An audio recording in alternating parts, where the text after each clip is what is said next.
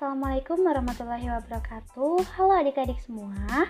Perkenalkan nama kakak Tiara. Kali ini kita akan belajar mengenai bagian-bagian tumbuhan Pada kelas 4, tema 3, subtema 1 Mata pelajaran IPA Nah, untuk yang pertama ada akar. Nah, akar ini merupakan bagian tumbuhan yang umumnya berada di dalam tanah akan tetapi, untuk beberapa jenis tumbuhan, akar juga terdapat di atas tanah, bahkan menggantung.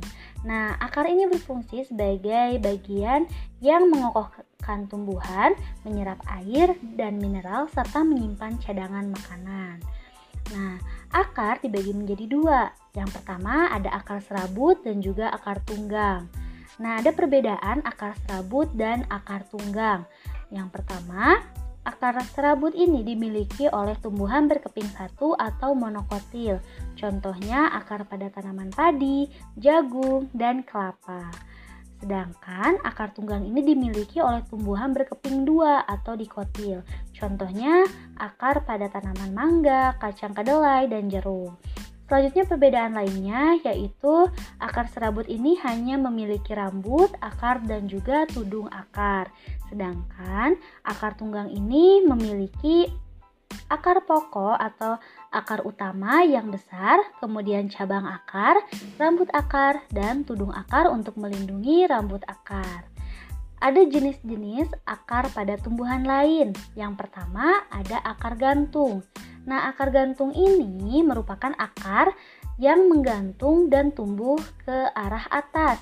Nah, contoh tumbuhan yang mempunyai akar gantung adalah pohon beringin. Selanjutnya ada akar tunjang. Nah, akar tunjang ini tumbuh dari batang di atas tanah. Akar tunjang ini biasanya sebagian muncul dari suatu permukaan tanah dan juga ada yang sebagian lagi e, berada di dalam tanah. Nah, e, tumbuhan yang mempunyai akar tunjang adalah pohon bakau dan juga pandan. Selanjutnya yang ketiga ada akar napas. Akar napas ini tumbuh tegak lurus ke atas sehingga muncul dari permukaan tanah atau air.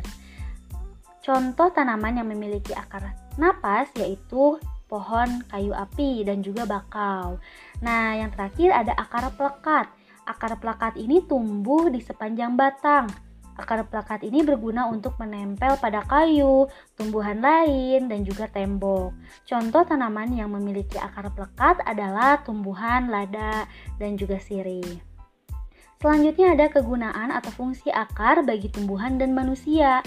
Bagi tumbuhan yaitu menyimpan cadangan makanan, menyerap zat hara dan air dari dalam tanah, kemudian sebagai alat pernapasan pada tumbuhan dan menunjang berdirinya tumbuhan.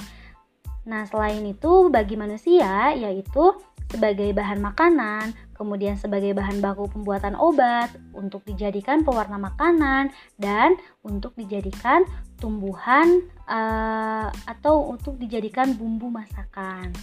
Nah, itu materi untuk akar. Materi selanjutnya, coba kalian dengarkan podcast yang akan dijelaskan oleh Kak Gita. Terima kasih.